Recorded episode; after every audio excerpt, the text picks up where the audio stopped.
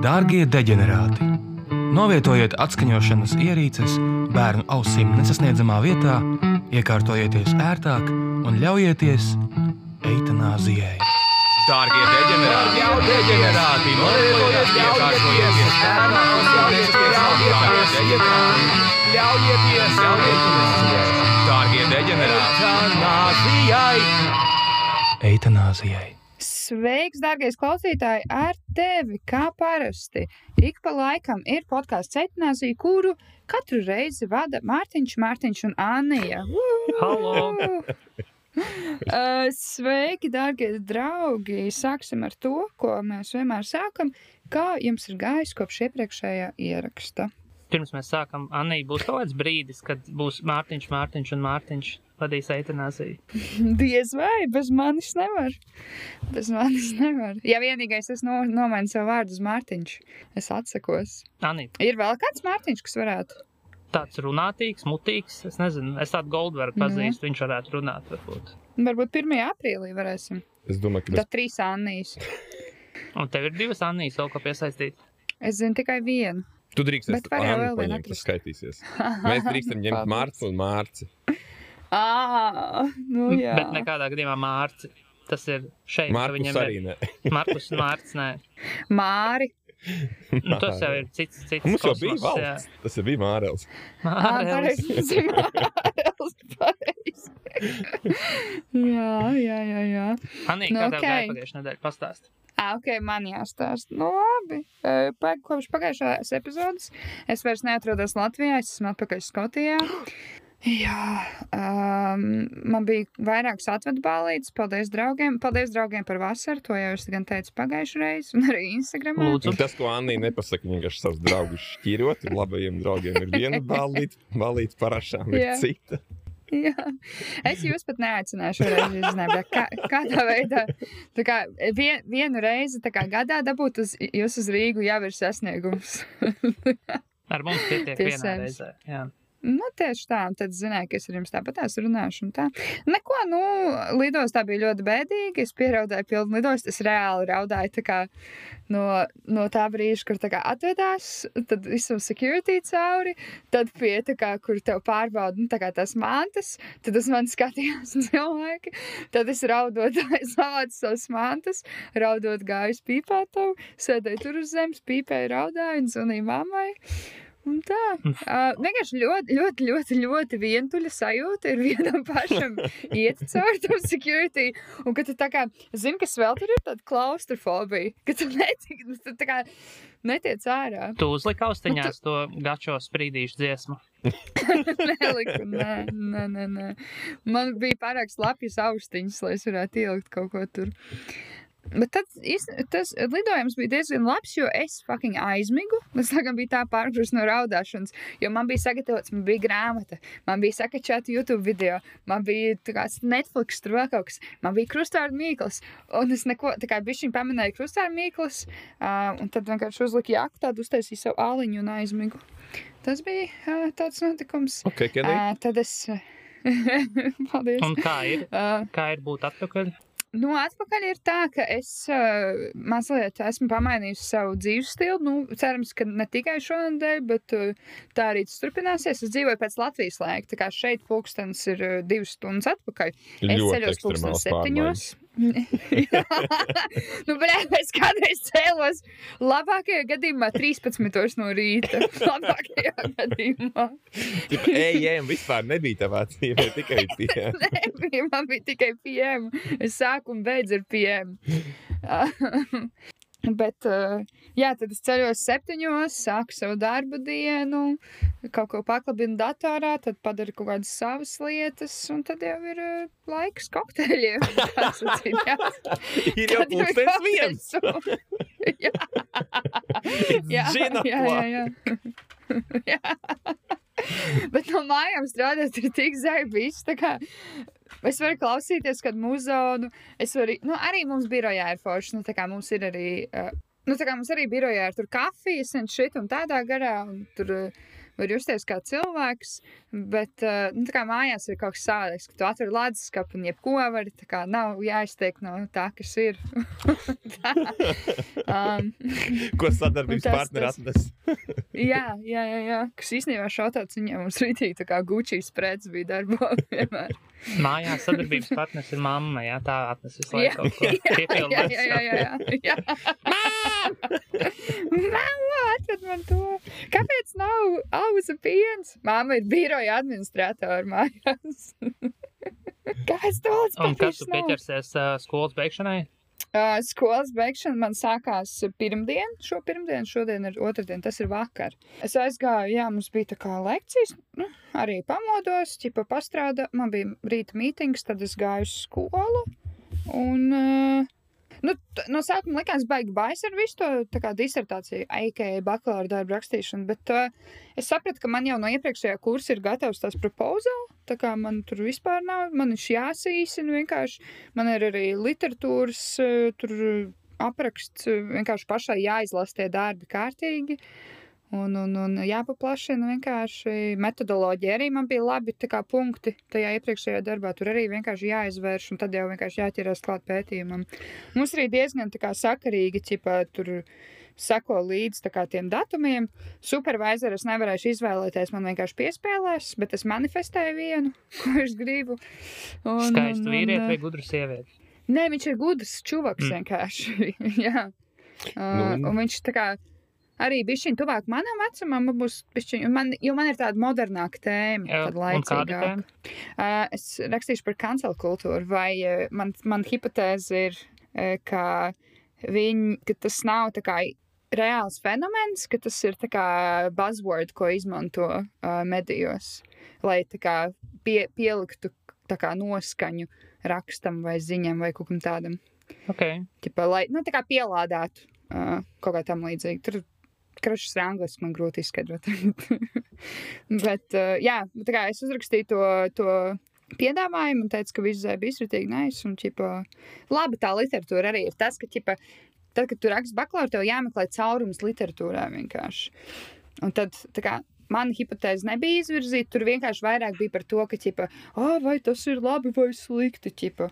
Bet, A, tu arī reāli izmantos kaut kādas piemēras, kas ir notikušās ar pēdējā laika kancelētiem cilvēkiem. Kaņē piemēram, vēs kā nezinu, Jā, jā, piemērs pilnīgi liek. Bet cilvēks dzīvo savu dzīvi, rada mūziku. Vai spēcīs, man liekas, tas arī bija kaut kas liels. Nu, jā, man tur ir, man ir jāveic tā kā šitā te. Uh, nu, tā kā es, ko esmu izdomājis, ka es veikšu me mediju monitoringu, nu, tur ir tā, ka tu ķip tā kā pēta rakstus un skaties kā, uh, kur tur ir pielietots tas, tas tā frāze vai tā kā kādā kontekstā, kāds ir sentiments un tā tālāk, nu, obviously, ka tur, nu, kaut kādā laika grieznī tev jāskatās tas ir.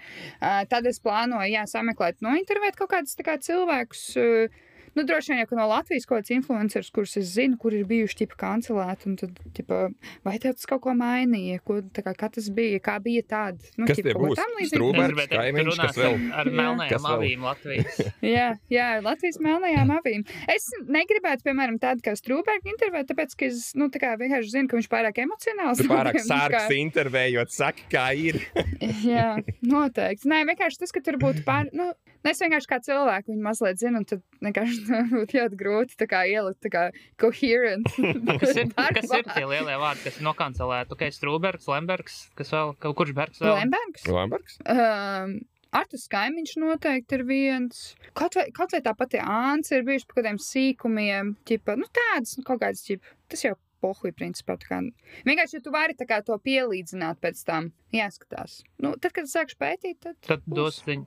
Jā, Ļoti tur arī skancelēts, tur arī vajag. Man liekas, ka nē, ir varbūt kaut kad tuvu kaut kāds mēģinājums bijis, bet man liekas, ka nē. Kaut kā vienmēr sanāk Jo, zin izlīdz. kā, jo, zin kā, man ir jāizmanto tas, ka kā, es, piemēram, zinu kaut kādus cilvēkus, nu, vai arī caur kādu zinu, un varu sadabūt viņus, ko es varu pēc tam tad pielīdzināt tādai situācijai, kas ir kaut kādā Amerikā ar kaut kādu aktieru. Tad man jāsameklē Latvijā kaut kāds aktieris.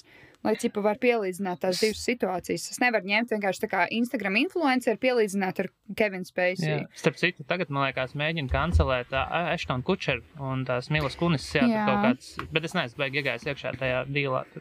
Jo tagad vēl kādā, viņiem- vēl kādā tos video, pat kur Eštons kaut kādā, kad viņam bija 19 gadi, esot teicis, ka Mila Kunis labi izskatoties, viņai bija 14 gadi, viņi tajā vienā seriālā kopā kaut kur filmējās. Tur ir tā, ka tas viens čūvaks no tā 70 šova ķipa, ir notiesāts par uh, trīs cilvēku izvarošanu, ā, notiesāts par divu, apsūdzēts par trīs cilvēku Uz izvarošanu. 30 Ok, gadiem, man liekas, ja? veida. Jā, uz 30 gadiem. Viņi deva karakteru Un- un- references kaut kādas par viņu, man liekas. Jā. Un viņi, viņi deva charakteru references, kas ir ļoti dīvaini, jo tā kā es nezinu, tā kā, ķipa, nu, whatever, tā kā neiet pārāk dziļi, bet kā tas, ka viņš tā kā nais čoks, ne, nu, pret tevi, nenozīmē, ka viņš nevar būt arī izvarotais pašā laikā. Bet, uh, whatever. Uh, bet tur ir tāda lieta, ka, ķipa, tas pats čoks ir, ķipa, tā kā eh, Scientology iesaistīts. Un uh, tiem scientologists ir tāds prikals, ka viņi, nu, kā, viņi izmanto pret tevi leverage kaut kādu un bieži vien tā kā šantažēšanu. Un tad ir tas, ka ķipa, viņš iespējams ir šantažējis to kačeru un to kunisu, uh, jo ir kaut kāda tēja.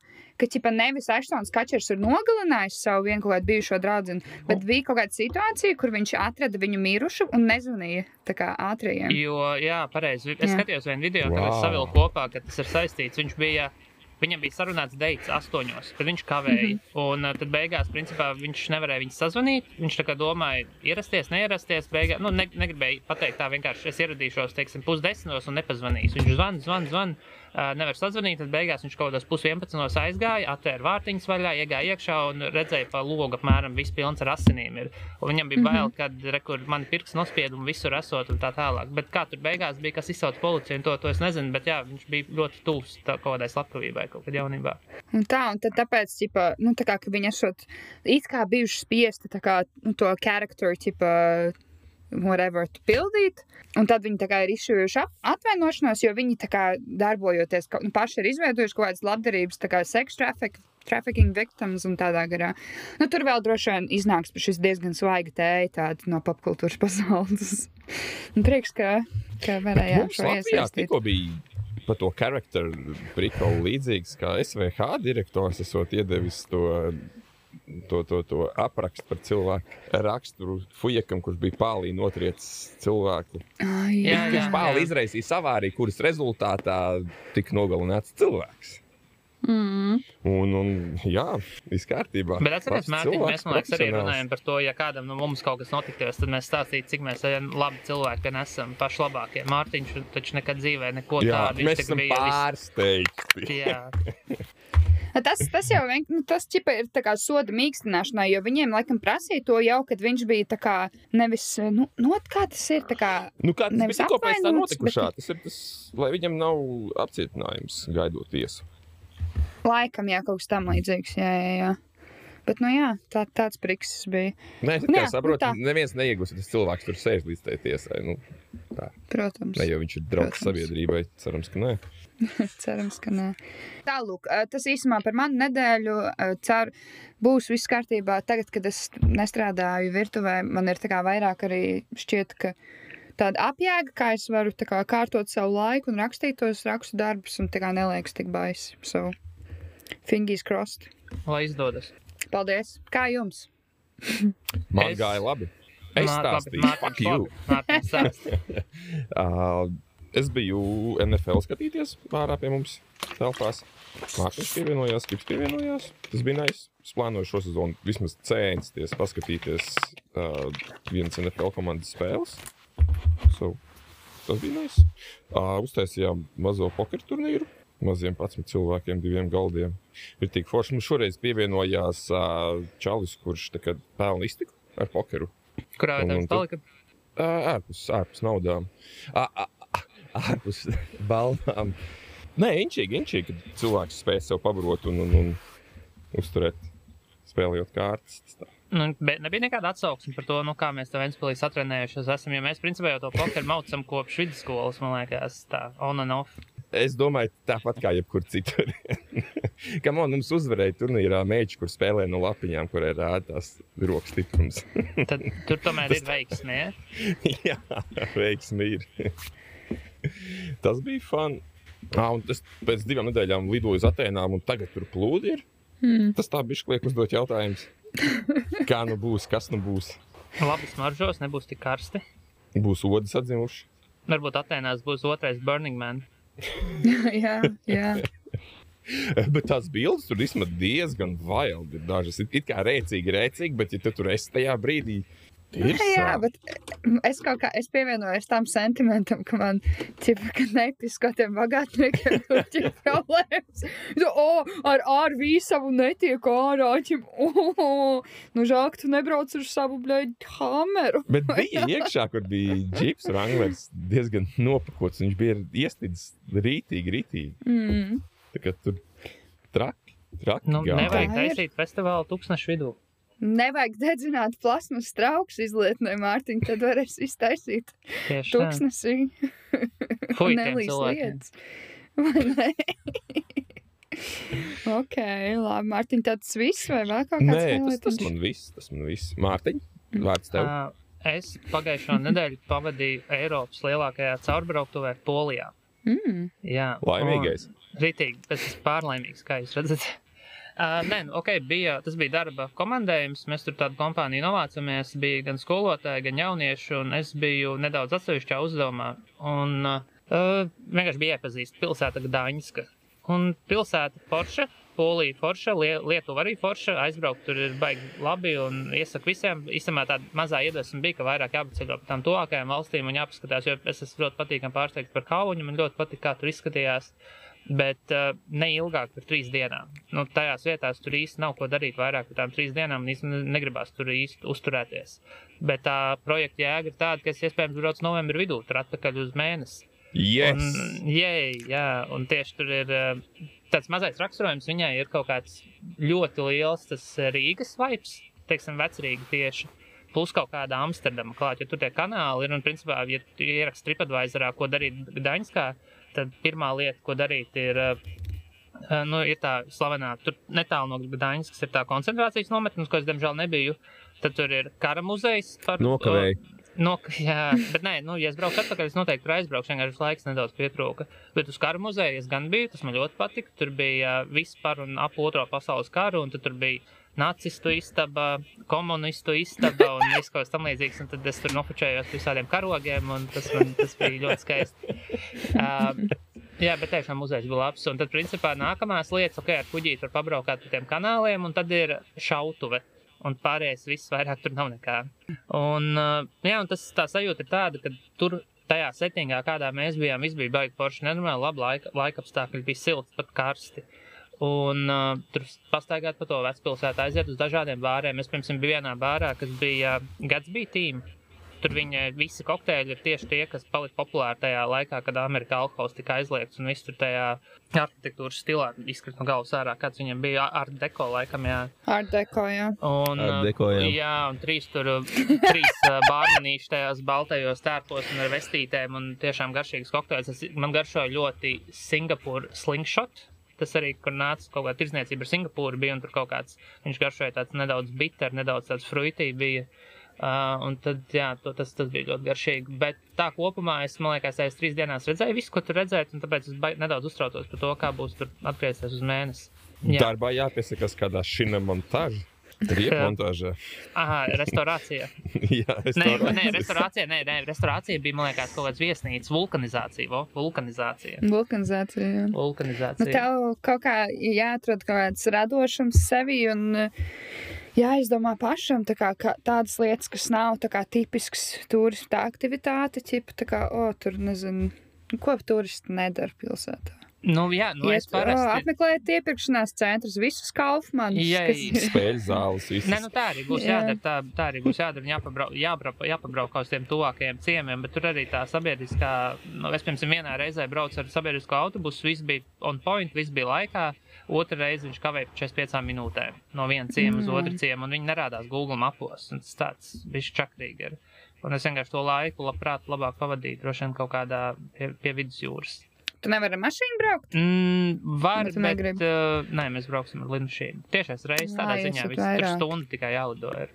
Jā, bet interesanti. Es saku, baigi. Es saprotu, kāpēc kolēģiem ļoti tur patīk, jo nu, viņi ir nedaudz vecāki gājuma, un uh, viņi ir tā, ļoti līdzīgi Rīgai. Un tur tās Hanzas savienības, tās uh, paliekas tur ir līdzīgas. Uh, tas pats, droši vien tāpat mentalitāte, nedaudz slāviskā un tā. Uh, Mhm. Kas vēl bija interesanti, mēs paņēmām gidu, pa, paņēmām to mašīnu, kas mūs izvedā caur centram, tīri, lai dabūtu apjēgu, kāds tas centrs ir. Un visa tā tēma, ko viņš mums stāstīja, principā bija saistīta ar divām lietām. Pirmā lieta bija ar baznīcām, respektīvi, ka uz katru lielā krustojuma, ja tu nostājies krustojumā, jābūt ir trīs baznīcām. Un tad tā arī ir, ka tu vienkārši aizbrauc ielu krustojumus, paskaties pa labi, uz priekšu un uz atpakaļ vienmēr būs trīs lielākas, un tās baznīcas ir tā kā huge baznīcas. Uh, un otra tēma bija, viņa vienkārši stāstīja par to, kā viņi atguva neatkarību un cik ļoti viņiem besīja Krievi. Tur Mhm. vis, visās vietās, kur bija protesta Nice. akcijas, kur kāds tika nogalināts, kur bija kaut kādas cīņas, kur bija teiksim, kaut kādas ostas, kas bija tur Leņķina vai Staļina osta, un tagad viņas pārsauktas tādā un tādā vārdā. Ir, viss, viss bija tīri par un ap, kā mēs tikām vaļā no krieviem. Tā kā Mm. viņiem nepatīk tas laikam. Bet Polija tāds labs piemērs, man liekas, Eastern Europe, nu, kas reāli arī tika vaļā. Jā. Īpaši neielaida arī tos jā. Un vēl no turisma aspekta man Sorry. interesanti likās tas, ka uh, vis, mēs arī braucām ar mašīnu, tāpēc bija jāpaliek viesnīcās, jo tur tās stundas, cik tur var nobraukt. Un, tā kā es teicu, tās viesnīcas ir radītas, lai tu cauri brauktu Polijai. Viņas ir episkas, daži pilnīgi čukņā, nekādā vietā uztaisīt viesnīcu, kas ir tā kā villa ar nenormāli daudz papildus pakalpojumu. Vienmēr tur ir kaut kādi spā, baseini pie ezeriem, un tiešām to vienu, divas naktis tur ir interesanti, tur brauc tālāk. Mēs arī Polijā esam palikuši tādā, teiksim, Lasvegas viesnīcā, kur viss tāds no tādām piramīdām ir uztaisīts. Bet uh, viss ir klīns, pa lētām cenām, viss ir ļoti labi, bet viņas ir domāts, viena naktis izgulēs, varbūt maksimums divas naktis un brauc tālāk. Tas tāds mans iespējas par Poliju apmēram ir. Un tā otrā lieta, man ir darbs atsācies. Es divas dienas jau divas dienas eju un runāju ar jauniešiem un stāstu visu aktuālo par un ap turismu. Mm, Kādi ir jaunieši tagad, mūsdienu jaunieši? Sāk just to atšķirību, ka es palieku vecāks un viņi paliek tajā pašā vecumā, kādā viņi ir. Uh, un man liekas, tas ir tā baigi cikliski, jo man liekas, uh, vienu gadu ir ļoti labas grupas, vienu gadu ir švakākas grupas, vienu gadu ir labas grupas, vienu gadu švakākas grupas. Un pagājušo gadu bija labā grupa. Šogad ir, nu, es divās dienās vēl nevaru pateikt, bet jūt, ka tur kaut kas nav sajūta. Ka klasē ir kaut divi, trīs, kas grib iesaistīties un saprot, un tad pārējā ir vēl tā pelēkā masa, no kuriem būs jāiztiek, jāiztiek ārā, varbūt vēl tās pāris zvaigznītes. Un, un tā, bet nu, forši ir tas, ka ir tā struktūra parādījusies. Arī es ceļos sešos, astoņos eju uz darbiņu, pastrādāju nedaudz, atgriežos mājās. Pagaidām es esmu priecīgs par to, jo es pirms tam nebiju darbā bijis kaut kāds sešus mēnešus apmēram. Tā Tas, tas man ļoti patīk. Bet nu, tas ir pagaidām. Mēs tev, Mārtiņ, iemācīsim Sigma grindsetu. Mēs, te, mēs, mēs ar Urbānu esam pārdevušies sistēmai. Nu, Es mēģinu viņu laust no iekšienes. Jā, es ķipā arī, jā. nu, skaidrs, paldies. Nu, ko es te varētu pieminēt par sistēmas laušanu? Mārtiņš eh, ir pievienojis, es neesmu NPC. Tu esi izdzēs ārā! Tu izdzēs ārā? Jā! Atkal Apple Neg- kaut ko tur čakarējās. Negribu par to Nē, runāt. tad? tas, tas es, es nomainīju pret uh, Indianu Jones. Ā, nebija Indians Jones šeit. Parunājam šeit. par Indianu Jones. lūdzu. Par Labi, Indianu pastāst Jones. par Indianu Jones. Latvijā jā. nenotiek bieži Indiana Jones cienīgs scenārija, vai ne? Mums bija pirms nedēļas divām uh, atraka artefaktu. Tas artefakts bija Jā. garliba mērķa rakstām galds. Wow. Mm -hmm. Tas rakstām galds bija rītīgi liela, liela akmens plāksne. Kurā vietā Latvijā ir drīkst zināt, vai tu neatceries? Cēsu pusē, ja es nemaldos, skujens pagasts kaut kas tāds. Labi. Un, un, un ģipa esot tie vēsturnieki zinājuši, ka tur viņš varētu būt. Brauc un meklēja un bija. Bet tā kā pēc kādām pazīmēm, ka, viņš, ka nu, viņi nosaka, ka tas bija viņa galds, nevis vienkārši akmens. Sorry. Tur bija tas- kāds huligāns, bija akmeni puikas, tas puikas bija GM. Es arī nebūtu īstenībā pārsteigts, ja tā būtu bijis. Nē, bet viņš bija rītīgi big deal. Tā kā rītīgi big deal. Nu, tam, kā mēs šobrīd dzīvojam, viņš ir atbildīgs par, par daudz ko, kādā virzienā mē- mēs tagad ejam. Tad, kad mūsu senču vēl strādāja pie kunga, viņš bija tas, kurš paēdis Rīgā iestājās par to, lai nepēdušie laukos to brīvi.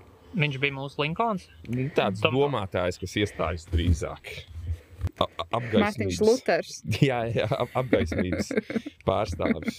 Tas man liekas, rītīgi, rītīgi cool. Nē, es jā, redzēju Twitterī, un man bija tāds bišķiņ.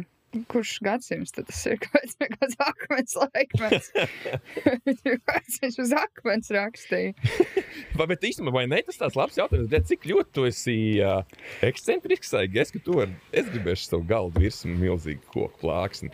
Ozolkoks ar mīkstējiem. Jā, jā, Mm. jā, vai ne? Sarkankoks kaut kas no Āzijas aizjūrām. Fuck that shit, tas nāc plebējs. Mm. Un tur bija bilde, kā viņi ceļā ārā. Tur bija traktora tehnika, kas ar dakšu vai kā sauc kāriņiem, kas palika ceļā augšā, kā tās divas sauc. Nu, ziniet, ko ceļā palika. Jā, jā, jā. Portplats. Nu, ķipa to un ar to ceļu augšā, to, to, to plāksti. Cik cilvēku viņi staipīja viņam uz māju? Bet tā, tas, tas, tas galds ir īpašs ar to, ka viņš sarakstīja uz tā, uz tā galda grāmatu. Latvieši kaut kas, kaut kas gadsimta beigās, laikam, vidz, Latvieši vidzemē gadsimta beigās kaut kas tāds. Un tad tur viņš iestājās par to dzimšanas atcelšanu. Jā. Mhm. Ta- Tas ir rītīgi cool, bet tā kā, es- kā viņi var zināt, ka uz tā galda viņš rakstījuši tā grāmatu sākumā, te es sēžu pie sava ka viņš, viņš bija rītīgi big deal, ka es pieļauju domu, ka cilvēki kā zināja, ka tam puikiem ok. ir pustonnas maksas galds. Ok, nu tad jā, ok. Ā, Vai tu zini, kur viņš nonāca? Kaut kādā Es lasīju rakstu, kaut bet vis, es neatceros, kur tieši, bet viņi kaut kur eksponēs rudenī. Kā mēs faktiski ir rudens jau. Tad mums kaut kad, kaut kad vēl vēlāk. Bet tā, Mm. tas, tas ir vēl kaut kas, nu, kā mēs latvieši, tas padara to mūsu identitāti ar kaut ko, ka mums ir kaut kas, uz ko paskatīties. Ja pirms Tā 200 gadiem kāds par mums rakstīja. Otrais dainas kapis bija dainas kapis, un tagad būs akmens. Mm -hmm. Un es biju sagatavojis šim podkāstam vēl vienu tā kā linku par vēsturi, bet tā, es šorīt lasot to linku, ieraudzīju, ka tas ir kaut kāds trīs gadus vecs raksts, un tad es negribēju stāstīt. Bet tā bija Fujaks, kurš Latvijas Riņu kalnā bija atrasts mirušā palieks, un viņš bija viens no pirmajiem cilvēkiem ar melno mēri. Šitādi fakti es īstenībā varētu būt, ka esmu kaut kur paustas galam dzirdējis. Mhm. Mm. Interesanti.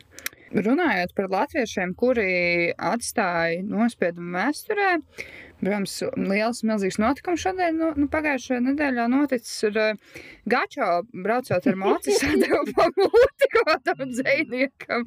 Un uh, es izdomāju, kad es iedomājos par šo tēmu.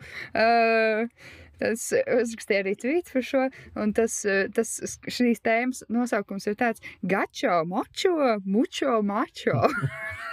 Varbūt paskaidrojas to otru daļu nesapratais gačo. Mučo Nu, ir tāpēc, daudz, un mačo ir daudz, mačo. ma- Jā, viņš ir Mačo, ma- mačo, mačo. Viņš ir Okay. mučo, mačo. Mučo, mačo. Ā. Sautparks seriāls teiktu, ka viņš ir fag. Ja to, to referents, man liekas, Mārtiņš sapratīs, jo tur Jā. bija sērija par baikariem, kur ritīgi skaļi, un tad visi viņus par fagiem sauc. Kā jūs jūtaties par to situāciju? Un kas tur varbūt esat dzirdējuši, kā eskalējas tālāk? Tas ir jocīga situācija. Taisnība abiem diviem. Mm. Kā- notiek? Ko tā tad vien, tā kā taisnība, piemēram, ir dzēniekam ir taisnība, tāpēc, ka tie moči ir. Skaļi, vai ne? Viņam ir taisnība un netaisnība abiem diviem reizē. Jā. Jā, bet nu Un, nevajag ā, roadreidžā kāpt no moča un dot pa Ok. galvu kādam. Un Tas jau gačo deva pa galvu. Nu, kāp no moča. Drīkst tikai video pirkstu rādīt. Viss. Aha. Arī pretī Viss. drīkst rādīt. Nekāda klopa nav. Ja es gribu klopēt, normāli dūrītē parādi, ka tu esi gatavs. Stoikā, jā, pareizi Anī nostājās. Jā, jā, jā. Bet man liekas, ka viņš ir tas viens no tiem cilvēkiem Latvijā, kad nu, tu dzirdi šo stāstu, un jā, it makes sense, ka tas tieši tā notikās. Jo tur Jā, man Tur būtu La Laurim Reinikam, būtu skaļš mocis, un viņš neiet skauties. Bet, nu, Gačo, Jā. Elbakjans un vēl pāris droši vien tur būtu. Jā. Ļoti, jā. Tie ir tādi usual aspekti šajās situācijās. Nu, labi, šis bija vairāk tāds joks, protams, ka mums eh, bija vēl svarīgāks notikums. Protams, basketbols, mēs to mazliet pieminējām. Mēs, protams, sekojām līdzi. Daži no mums skatījās, daži no mums piedalījās tikai prognožu spēlē. Un, eh, un eh, Latvija iekļuva piektajā vietā pasaulē. Basketbološanā. Kādas sajūtas? Pravietiskas. Mēs ar Mārtiņu pirms desmit gadiem sēžot H sektorā Ventspils Olimpiskajā centrā, bļaujot Gražulim, ka viņš ir MVP pirms desmit gadiem. jau. Okay. Ļoti Mēs labi. redzējām. Man šķiet, ka mēs nespējam aptvert, cik tas ir huge. Jo mēs, jā, Mm. hokejs ir liela lieta, un forši, ka mēs dabūjām tās medaļas, bet uh, basketbola čempionātā dabūt to piekto vietu, nu, tas ir tikpat līdzvērtīgi. Protams, žēl, ka viņiem Jā. nav tas bleķis, ko parādīt, bet, uh, arī es no sākuma biju nedaudz skeptisks, ka tur būs atkal tāda paša sagaidīšana vai kas, bet, nu, hei, tie čaļi bija pelnījuši, ka atkal viņi tāpat sagaida, un viss, viss ir labi. Un emocijas bija amazing. Bija jēga, bija jēga sakot līdz tam visam un zaudēt tur kaut kādas nervu šūnas. Oh, Dievs, es, skat, es skatījos to Vācijas spēli dzīvē.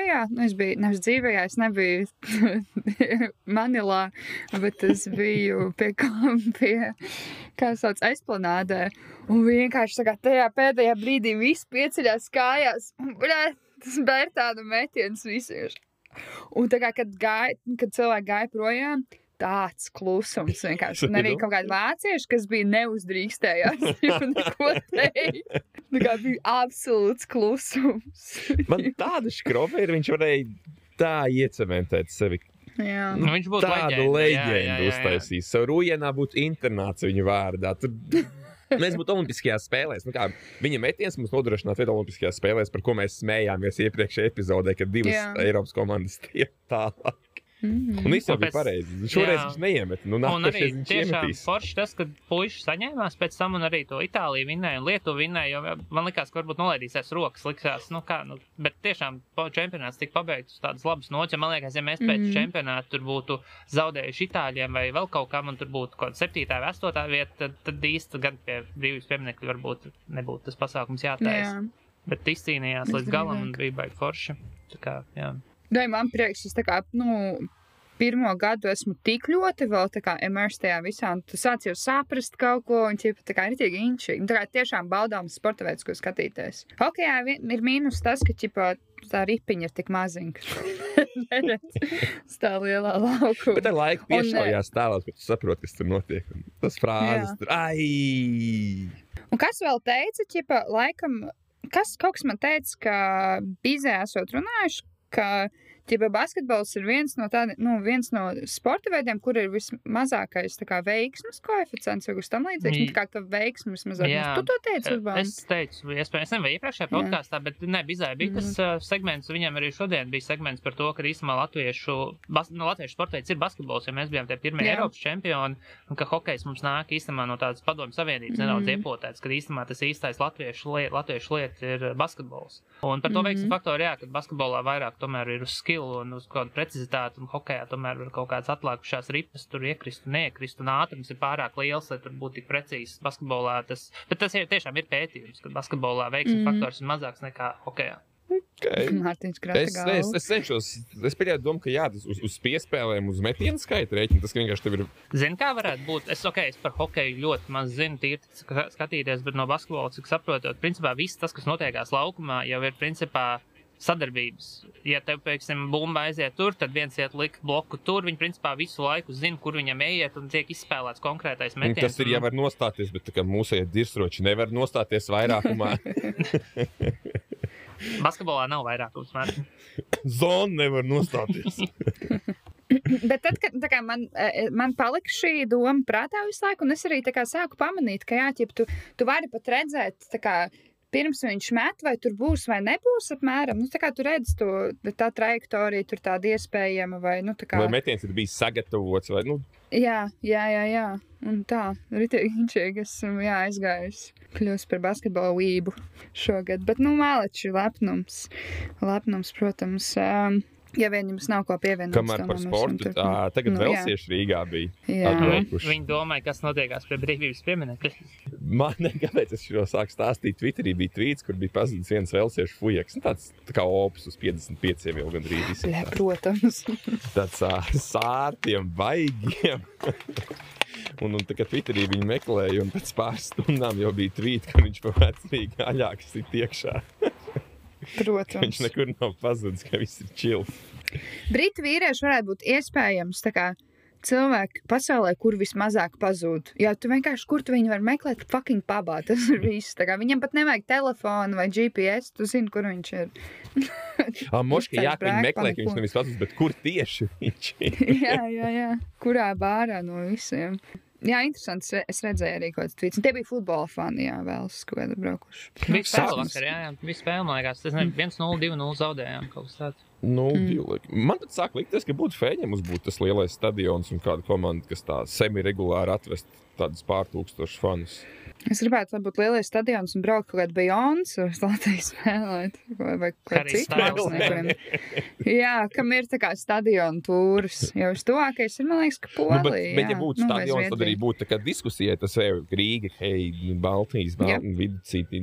Bet mums ir meža Exactly. parks. Jā, mums ir toties meža Bet parki. vai, es, es, vai meža parki nedara, meža parks nedara tādām, tādām aktivitātēm, Beyoncēm, Swiftām un, un, un tur nav? Kas, kas tur trūkst? Mārtiņ, kā tur ir? Čipa, tur nav tā, ka viņiem vajag tos, tā kā to sporta stadionu, to, ķip. Mm. Nemācīšu teikt, laikam, jā. Kaut kāda nianses tur ir, jo tiešām arī, man liekas, blinkām tagad ir tieši nevis stadiona tūra, bet uh, arēna tūra. Un tad, tā, kad tu teici, Beyoncé ir stadiona tūra, tur ir kaut kāds specifisks lietas, kāpēc viņi tā izvēlās. Un zini, un vēl ir tas tipa stage setups, jo tā kā tev ir jābūt, uh, nu, tā kā kaut kādai Beyoncé, tev ir jābūt tā, ka tu praktiski tikai minimāli. Nu, jā, ja, ja ja visur ir iespējas minimāli tev kaut kas jāmaina. hokeja arēna, tu zini, ka tur vienmēr Jā. būs tie izmēri, pie griestiem būs. objektus, Jā, jā. ok, ok, ok. Tieši tā. sense, A, jā. tajā mežpārka tur Tur ir. no gaisa neko nevar nomest. Jā.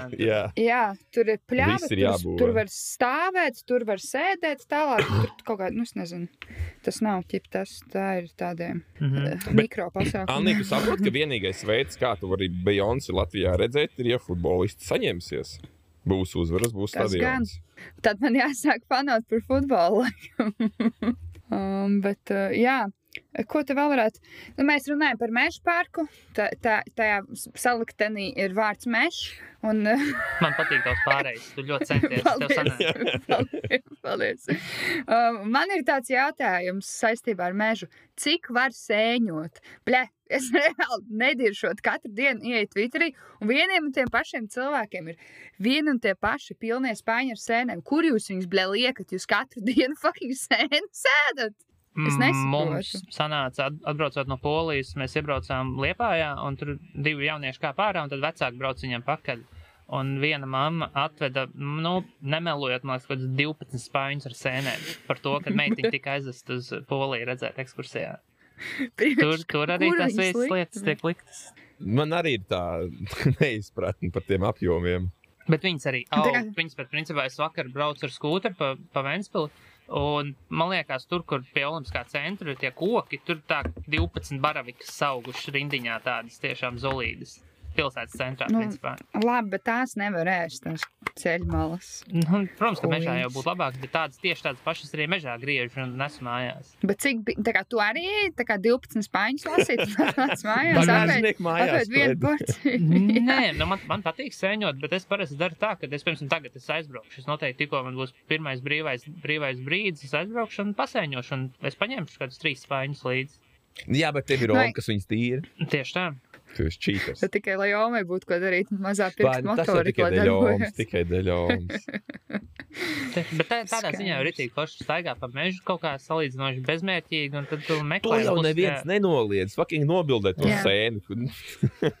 Jā, Tas, tā kā, vienkārši tas ir tā kā makšķerēns, noķer līdaku, un tad vai nu atlaid viņu atpakaļ, vai paņem mājās. Citreiz to atlaid, citreiz to Un paņem. tad ir tā pati diskusija, bet ne, jau nevari bagāžnieku ar līdekām mājās. Šeit cilvēki var to bagāžnieku.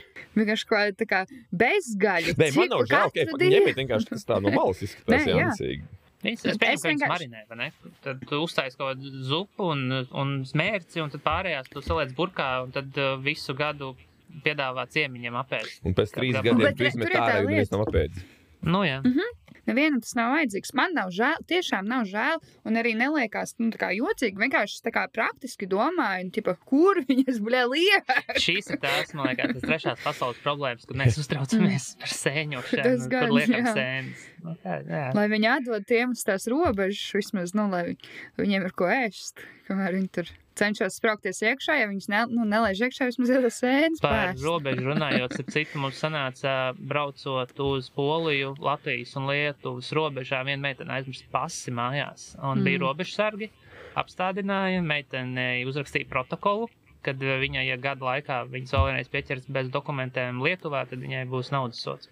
Un Ļoti braukt, at, jā, un tad bija, viņi sazinājās ar kaut kādu robežsargiem. Es pieņēmu, sapratu, nu, tā kā noskaidroju viņas personas kodu un tam līdzīgi, vai viņi nav izsludināti meklēšanā, un, principā, atļāva braukt tālāk. Bet tas pats varēja notikties arī uz polijas robežu un tā tālāk. Un tad mums no Ventspils atveda pasi, un tad meitene bija baigēji, tā kā, nelē, nu, tā kā viņai bija kauns par to, ka visa grupa divas stundas, principā, sēdēja uz robežas un uh, draudzējās.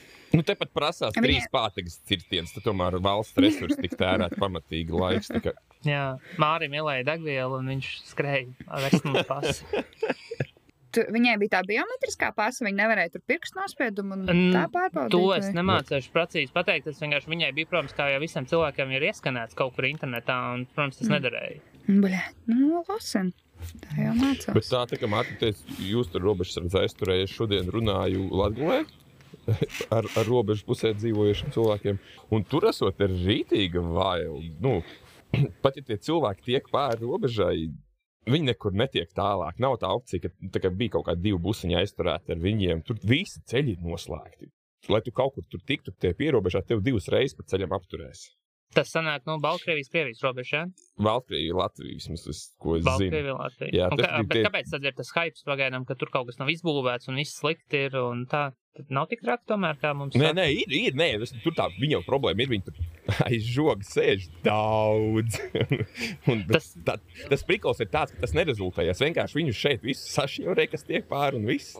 Man tā asociācija bija tāda, tikko tā kā Game of Thrones tajā pēdējā sezonā, kad viņi tur tumsā sēž tie White Walkeri. Jā, ir. jā, jā, jā, tur jā, puiši jā. Ļoti labi. ļoti labi, ļoti labi. Vienkārši tas nav endgame. Tur nav endgame viņiem. Nu, viņi var mēģināt censties. Nu.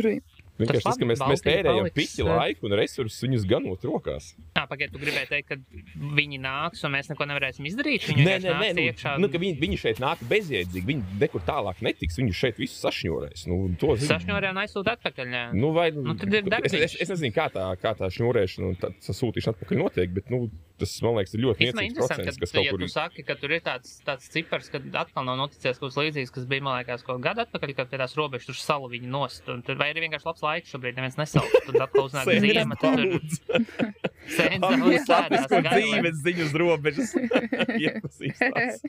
Ok, gaidām ziemu, skatāmies, kas notiksies.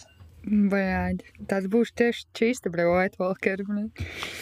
Es es ātri paturpināšu. Es vienkārši uh, Mārtiņu iedomājos piltens laukos, tur sāģās. Nu, kaut kur trīs brūni fujaks staigās. Nu, tur pēc pusstundas jau būs zvans, zvans. Un... Ne jau tāpēc, Nu, ka jā. kāds viņus ciest nevar, bet tāpēc, ka viņi zina, ka viņus ir sūdzes taisīs. Garantēti. Lai silts rudens. Ko vēl novēl. Nu, Vedam sēnes uz robežas. jā. Vēnam sēdz uz robežas. Mārtiņ, tu pieminēji problēmu bērnus, bet šeit kāds no Mārtiņiem grib runāt par sapņu bērniem. Jā, manējā tēma ļoti random uzspēlēja. Šodien man viena meitene atsūtīja TikToku, kur, nu, pieņem, ka tik cilvēki, kas liek taisa video TikTokā, nu, ga- vecumā 16 līdz 22. Tāpēc jautājums droši vien Annijai, tas nedaudz vecāks, tāpēc tev ir vēl- lielāka pieredze šajā visā. Tas TikTok video bija par to, ka uh, meitene sapnī redz, ka viņai ir bērni. Un viņa pamostās, un tad viņai ir tāda tukšuma sajūta par to, ka viņas iedomātie sapņu bērni pazuduši.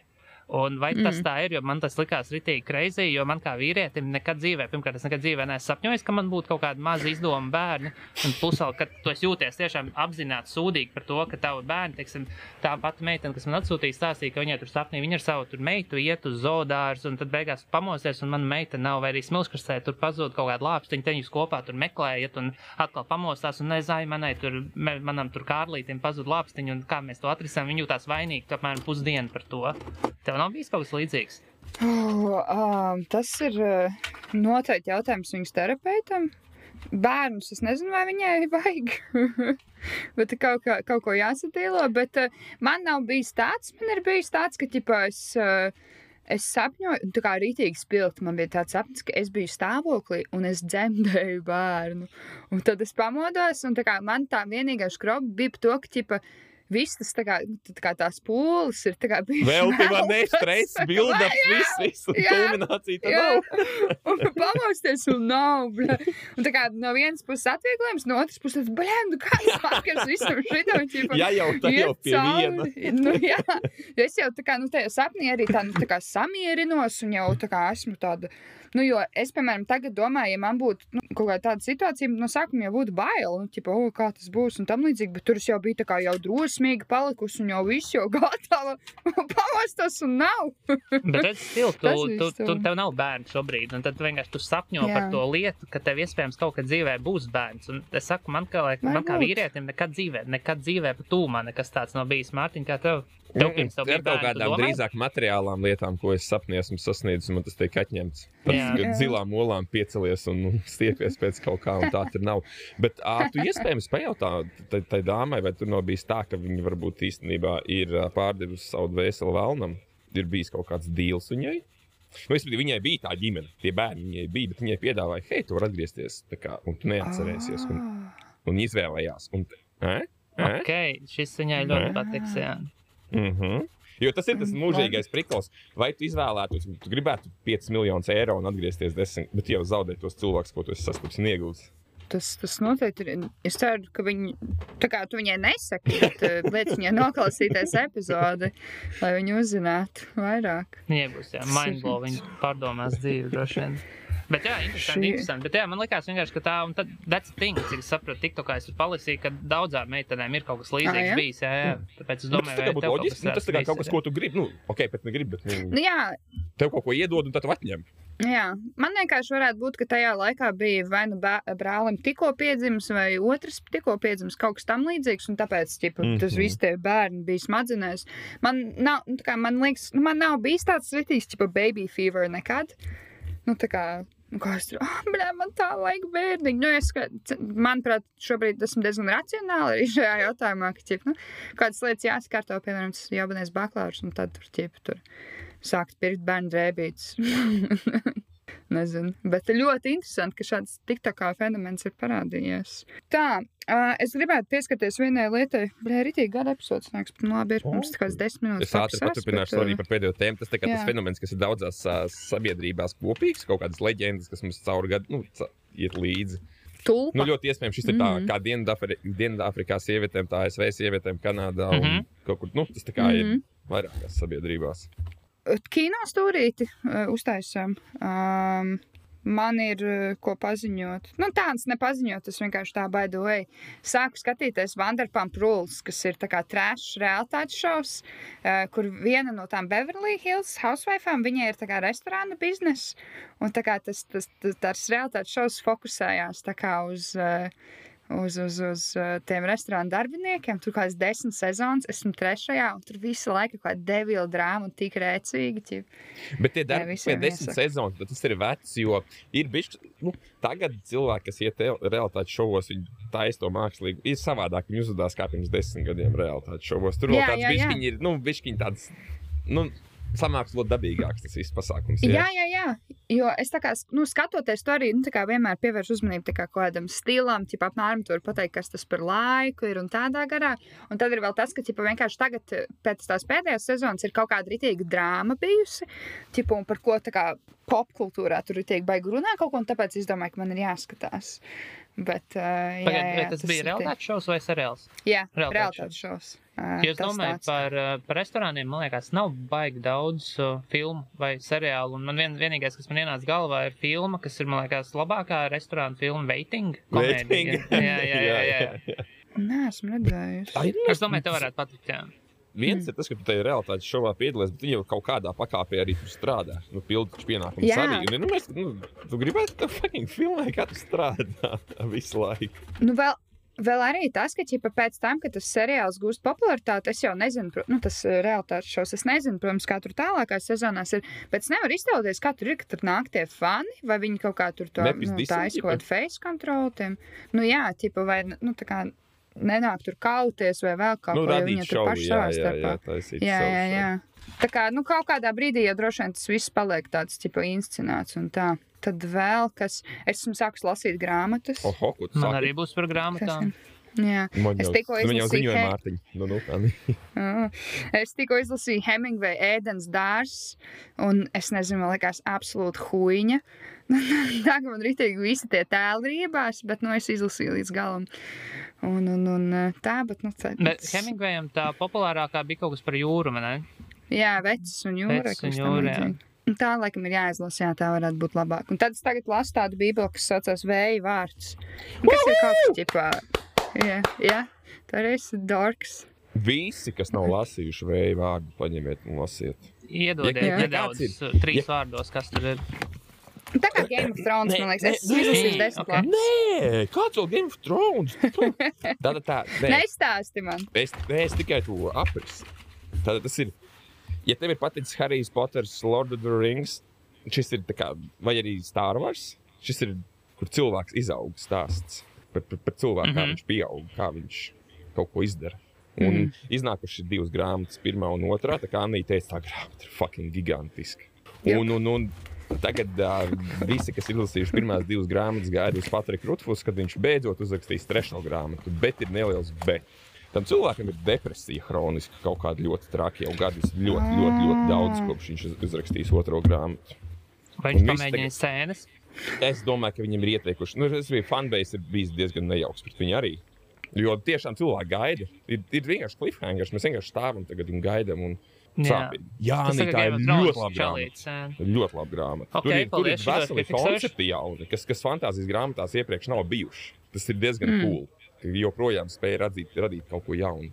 Jo- Man tāds jūtas, ka tēcis ir mani lepojas. Jā, tam arī būs rītīgi priecīga par tevi. Viņa arī rītīgi visiem, kas klausās, saka, ka to grāmatu vajag izlasīt. Mārtiņ, tev kino stūris, grāmatas stūris. Nav, nekā man nav. Nekā. Bet Mārtiņa man saka, ka tu esi pievērsies ā, domātājiem. Diemžēl nē, bet starp citu, es taču tev kaut kad senāk teicu, ka tā Platona republika ir jāizlasa. Man arī viņa ieteica, un es, man viņa bija lasīšanas listē jau ilgi, bet vienkārši man māsa studē diplomātiju, viņai bija mājasdarbs uz caurdienu izlasīt viņu. Un tad viņa vajadzēja, bet es aizmigu un aizmirsu viņai aiziet pakaļ tajā grāmatai. Tā kā viņi kaut kur droši vien ChatGPT uztaisīs ā- ā- ātro to pārlasījumu un jau tur no- nodos. Bet šis ir laikam pateicīgi visiem, kas studē, studē filozofiju. Ka ļoti daudz tie darbi ir tik veci, ka uz viņiem neatiecās autortiesības, un viņi ir pieejami pa labi pa kreisi internetā. I guess Tas laikam tāds. Jā, ir. bet angļu valodā, latviešu valodā viss tur bija 15 eiro, 25 eiro. Es skatījos pat internetā. Jā. Man audio grāmatā, man liekas, pat Kindlā, man liekas, ir iekšā. Varat, bet es, Kaut- nu, es man bija doma, ka viņi no, nopirkt to un uz planšetu lasīt, bet vismaz, kur es skatījos, tur bija cena vēl viņai. Bija, jā. A, Uz kāda pamata Latvijā ir par viņu jāmaksā par tulkojumu? Ķipa? Izdevējs. Vai, nu, Izdevējs. Nu, izdevējs, izdevējs? nezinu. Nu, kā? Arī in- interesanti, ka viņi ir tulkot, republika, izdot. slīpsvītra valsts, citās tulkojumos viņi ir Platons republika, citās, man liekas, viņi ir valsts. Bet man pašam ir, es grāmatas lasu salīdzinoši reti, bet tas gadu skaits, kas man dzīvē ir, man liekas, man viņi sāk sakrāties. Es domāju, cik pa diviem gadiem atrodu tādu grāmatu, kuru es nenormāli fanoju, un tas nespēju atrauties no viņas. Tur sākot ar visiem Žila Vērna darbiem, tad tur man bija uh, arī tur par um, Trojas karu, karu vienu grāmatu, kas arī tas ļoti, ļoti cītīgi lasīju un pārdzīvoju, un tagad es lasu Zausacīs bērnus. Es zinu, ka tas ir nokavēts. Jā. Uh, etaps lielākoties tā grāmata, man liekas, tika dota tajā, pirms es viņu dabūju 2005. gadā. Es viņu, man liekas, pašķirstīju, palasīju, bet es viņu nesapratu. Un tagad ar savu perspektīvu, kur tu pats dzīvē esi gājis cauri kaut kādām lietām, tu reāli saproti, kā tā meitene, kāpēc viņa kaut ko lieto un kāpēc viņa dara un kādi ir tie efekti. Un Es esmu ļoti es vakar arī reāli vienkārši tikko man ir brīvs brīdis atvērt to grāmatu un palasīt kaut kādus pāris lapus priekšu. Un es tagad skatos, ka tur ir filmas, seriāls un tam līdzīgi. Un sākumā liekas, ka tu negribi viņu lasīt, jo tur viss notiekās Berlīnē. Un tas nav varbūt tik skaisti kā Amerikā vai kaut kur, bet uh, tur uh, tas netraucē. Tas vispār netraucē. Un Mārtiņa, es lasīju. Nē, ma... tā bija skolas obligātā literatūra. Nē, Vien, nu, ne obligātā, bet vienkārši mūsu laikā bija Es zinu, jā, ka tas bija. bāzi lasīt. Jā, jo tas, tas liekas vēl, ka, piemēram, bērni lieto narkotikas. Es saprotu, mm -hmm. ka pieaugušie cilvēki, ka tu, mēs, mēs, man liekas, vismaz mūsu draugi sastajā vidusskolā, visi, kas to ir darījuši, zina, kādi ir pārdzīvojumi ir un kas, kas, kas notiekās. Un tad liekas, kā var kaut kāda 13-gadīga meitene lietot visu, tu, visu ar uzviju, un tas, man liekas, ritīgi vēl liekas. Bet tas stāsts ir labs un es- nu, patiesas, principā, jo tā ir dienas grāmata, cik es saprotu. Yep. Es viņu nesen tieši arī izlasīju. Tā bija pēdējā grāmata, ko es izl- izlasīju uh, pirms Tu tam. viņu lasīji latviešu vai angliski? Latvijasiski. Un man, es arī viņu latviešu, parasti lasu angliski, un tas tulkojums ir, uh, šī kompānija bija ļoti vēsa.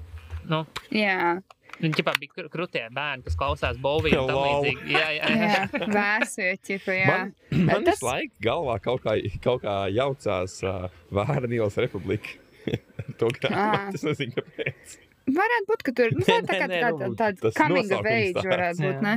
Ā, bet tas, nē, ritīgi labi, tā kā Zostacijas bērni ritīgi labi grāmata. Viņa ir smaga arī un laba. Jā. Jā. Es gaidu, ka es izlasīšu, es noskatīšos droši vien filmu, oriģinālu 80. kaut kādu gadu, un tad pēc tam ir jauns seriāls ar Amazonai. Un Ah. otra lieta, es sāku skatīties, es, es pabeidzu Gossip Girl, skatīties, nezinu, kuro reizi, un tad man arī pietrūka tā kaut kāda coming of age uh, sajūta, un es kaut kā negaidīti uzdūros Dawson's Creek seriālam. Mm. Esat varbūt redzējuši, vai nē? Viņš ir tāds 6, kaut kāds 8 seriāls par uh, kaut kādu mazu ciemu Amerikā, kur arī tīņi dzīvo un tur notiekās visādas lietas. Un kaut kā, nu, nav, nav, nav pats labākais, bet var skatīties pieešanas, jo pieešanas kaut kas ir jāskatās. Taisnība. Noteikums mēs Amen. neizdomājam. Ļoti labi. Mums sanāca ļoti labs eh, kino un grāmatas turīts. Es vēl pieminēšu podkāstu, kam es uzskrēju, saucās Twitter kāsts. Tur eh, intervēja dažādas cilvēkus no Twitter. Pēdējais bija ar Tihomīro, ja? Jā, saprotu, Tā ir. Twitter šaha guru. Jā. Jā, jā, jā. Un nākamā McDonald's guru viņš arī ir. Jā, viņš, viņš, jā, kodu, viņš, viņš kodu izsniedz to lietām. Uh, Tā kā, ja, jūs, ja jums ir vēlēšanās, un ja jums interesē vairāk par, par Twitter kaut kādām iekšējām drāmām, es jau gan esmu uh, pensijā no tā visa. Jā, absolvējusi Twitter vidusskolu, man šķiet, uh, bet ja jums ir vēlēšanās kādu podkāstu paklausīties, varu ieteikt. Uh, tā kaut kā, ā, vēl man ir uh, pie pēdējiem vārdiem, pirms mēs dodamies pie segmentiem un neturam vairs Mārtiņu tik ilgi. Um, šodien sanāca mazliet parunāt ar Edgars Bāliņu, kas ir kolēģis mums uh, podkāstu paziņa. Tas ir un tas- arī citādi zināms. Viņam arī Strasbūrā jābūt. Viņš tieši tāpēc arī mēs tur runājām. Jo, interesanti, ka viņš pieminēja, uh, otru reizi man atgādināja, ka viņš parasti lidojot klausās uh, podkāstu eitanāziju, un viņi tas kaut kādā mērā nomierina. Un tad es uh, viņam teicu, ka es turpmāk mēģināšu varbūt katrā epizodē kādu iedrošinājumu vārdu vai mierinājumu vārdu pateikt. Vai kāds no mums varētu pateikt viņam, lai viņam nav tik bail lidot? Tu redzēji to lidmašīnu, kas Krievijā uz lauka nosēdās? Bļaļ, Mārtiņ. Edgariņa elpo, viss būs kārtībā. Jā, par lidmašīnām. Es tagad lidoju uz Nu. Vīni. Lidmašīnas. Es reāli uz vienu brīdi domāju, pateikt, lai cilvēks beidz. Viens fujeks, viņš ar trīs dažādām ierīcēm focēja un filmēja lidmašīnā. Un tu saproti, tas tāds - šis parasti nu, nu, ir materiāls no lidmašīnām, kad krīt tas fujeks burtiski Ā. tagad rada to, to materiālu. Pārstāja neģingsto. Bet tā, tas rēcīgākais bija, ka viņš izvilka to rokās turamo to video kameru. Viņš bija kaut kāds X Nu, jā, tas bija tāds pavacāks kungs, jā, bet nu, viņš visās, Ah. visās, visos veidos iemūžināja to. Man rītīgi, rītīgi, fucking mīzelīgi bija. Ķipa, ka viņš, viņš veido found footage. Ķipa. Jā, tas varbūt nevis, nevis tas pilots kaut ko sapisīs, nevis tie mehāniķi, bet viņš būs vainīgs pie tā, jo viņš filmēja. Piesauc nelaimu. Aha. Ļoti labi. Uh, kamēr mēs esam pie transporta tēmas un mazliet ievirzoties heitinājumā, pagājušajā nedēļas heitinājumā minēja par sabiedrisko transportu, ka man besīja. Un uh, pirmdien braucot uz un no universitātes, kuras autobusā pavadīju stundu turp un turpmāk stundu atpakaļ, es izdomāju. Jā, risina, mans piedāvāšu risinājumu visām sabiedriskā transporta problēmām kas atspēkotu vi, pilnīgi visu, kas notiek sabiedriskajā transportā, kas ir slikts ar sabiedrisko transportu. Tātad mans piedāvājums ir tāds: pilsētā visi pārējie brauc 30-50 km/h, un autobusu var braukt 70-90. Ir tāda filma, ieliek spridzekli un tad dod visu. Nedrīkst Tā. Bet es vienkārši domāju, ka tas nebūtu. Tas brauciens nebūtu tik besīgs un tik dirsēts, ja autobusiem ātri drāstos. Man liekas, tas ir ļoti labi roku rokā ar to skūteri skaitu, kas uz ielām brauc pa labi, pa kreisi šķērsām. Viss ir tad ir kāds 12 reizē tāds šrap. Man ir vēl piedāvājums nedaudz modernāks, ka šoferis strādā uz donātiem. Es tur nāku pieturā, jo tu zini, ka viņš stāsies. A, ja visi samet piķi, viņš gāž garām un pistā.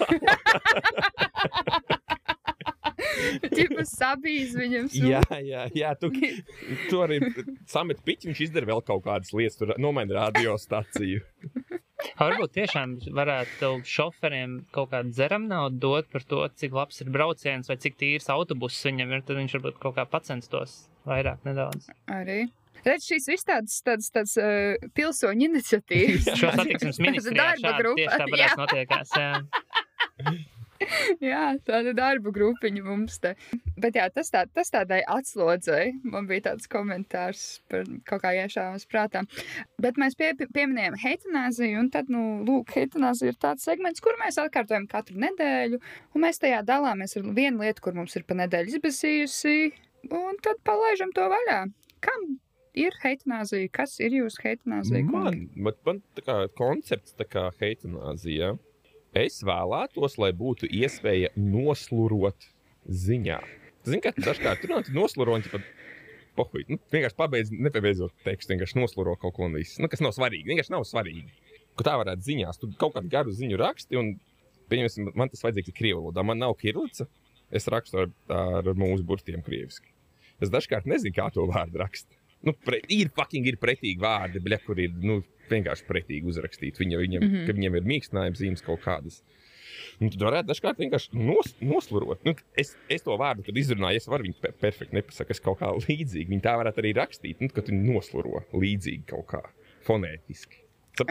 Tu vari iesākt to vārdu, un tad daudz punktu Nu, kā- tieši tā, kaut kā tā, ka viņš paliek tā kā blūrā, ka viņš paliek miglains, viņš lēnām tā kā pazūd. Nu, saprot, nu, jo tas cilvēks saprot, ko es, pa- bet līdz ko viņš izlasa, viņš zina, ka es esmu loks, es to vā- vārdu nemāku Jo uzrakstīt. tu nemāki spēlot, jā. Jā, jā, jā. Vai tu vari rakstīt kaut kā, tipā, nu, kā это называется, tur un sākt, un tad daudz punktu. Un tad viņš saprast. Nē, šoreiz nē. okay. Tā, paldies. paldies. Tad tu heitos sevi. Jā, principā, jā, šo, un tehnoloģijas, kas šo vēl būs, kaut kā viņi atrisinās to, Sarunāts. lai var noslēpt man Mārtiņ. neinteliģenci. Mm, Man nav nekas garš stāstāms. Droši vien varētu padomāt par to, ka cilvēkiem nevajag kavēt. Viss. Jā! Divas, trīs minūtes Piekrīt. ir ok, bet uh, ilgāk, ja kavē, tad tas nav smuku vairāk. Vienkārši atceļam. Jā. Tas, zin, tas, Tas pat par piekrīt. zā, tā kā zādzību jāuztver, ne?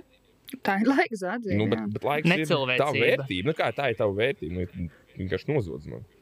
Nē, man, man arī besīja, nu, tā kā godīgi, godīgi sakot, jā. Tā nē.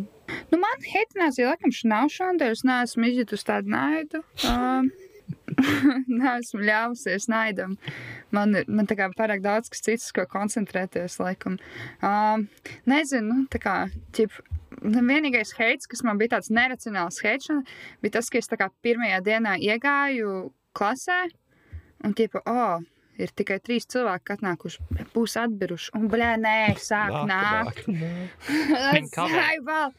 Jā, nu tas, tas tieši jā, tas man arī besīgi tā kā pasniedzēja. Nu, tas ir necienīgi, ka pasniedzēja ir jāapstājas pusvārdā, tāpēc, ka tu vēl nevarēji atnākt ātrāk. Nu, tā kā, viņi tā jau sāk ar 5 minūšu kavēšanos. 5 minūtes ir pietiekams lokus. Ķipa, ko tad? Nu, Tā kā vienkārši nenāc.